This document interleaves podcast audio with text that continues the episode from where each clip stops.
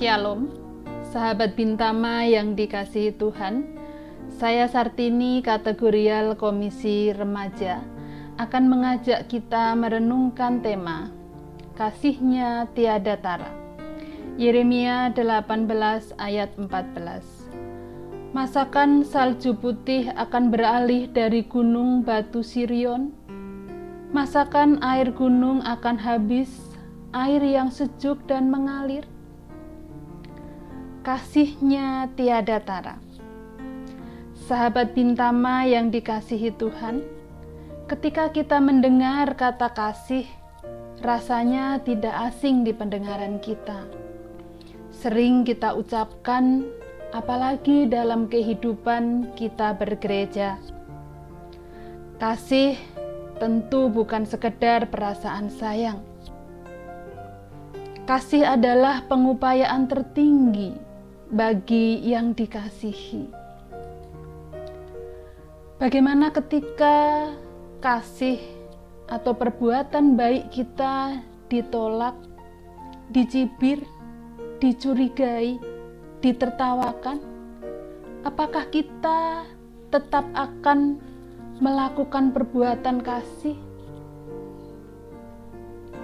Barangkali kita akan enggan untuk menyapa, atau bahkan mungkin kita merasa benci kepada orang yang menolak, mencibir perbuatan kasih kita. Apakah demikian juga kasih Tuhan? Apakah Tuhan menolak Israel umatnya? Sekalipun ketika Tuhan melalui Yeremia mengingatkan mereka untuk bertobat mendapat penolakan. Yeremia 18 ayat 12. Tetapi mereka berkata, tidak ada gunanya sebab kami hendak berkelakuan mengikuti rencana kami sendiri dan masing-masing hendak bertindak mengikuti kedegilan hatinya yang jahat sahabat Bintama yang dikasihi Tuhan. Tuhan tetaplah Tuhan. Dia tidak pernah mengingkari dirinya sendiri.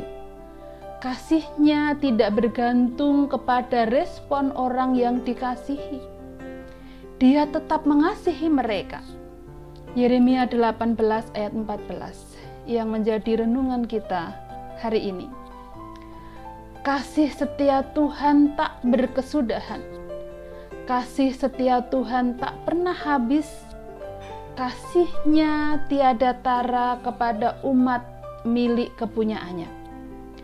Sahabat Bintama yang dikasihi Tuhan, kasih yang tiada tara itu jugalah yang ada dalam diri Tuhan Yesus yang telah merendahkan diri sedemikian rupa untuk memberikan keselamatan kepada dunia.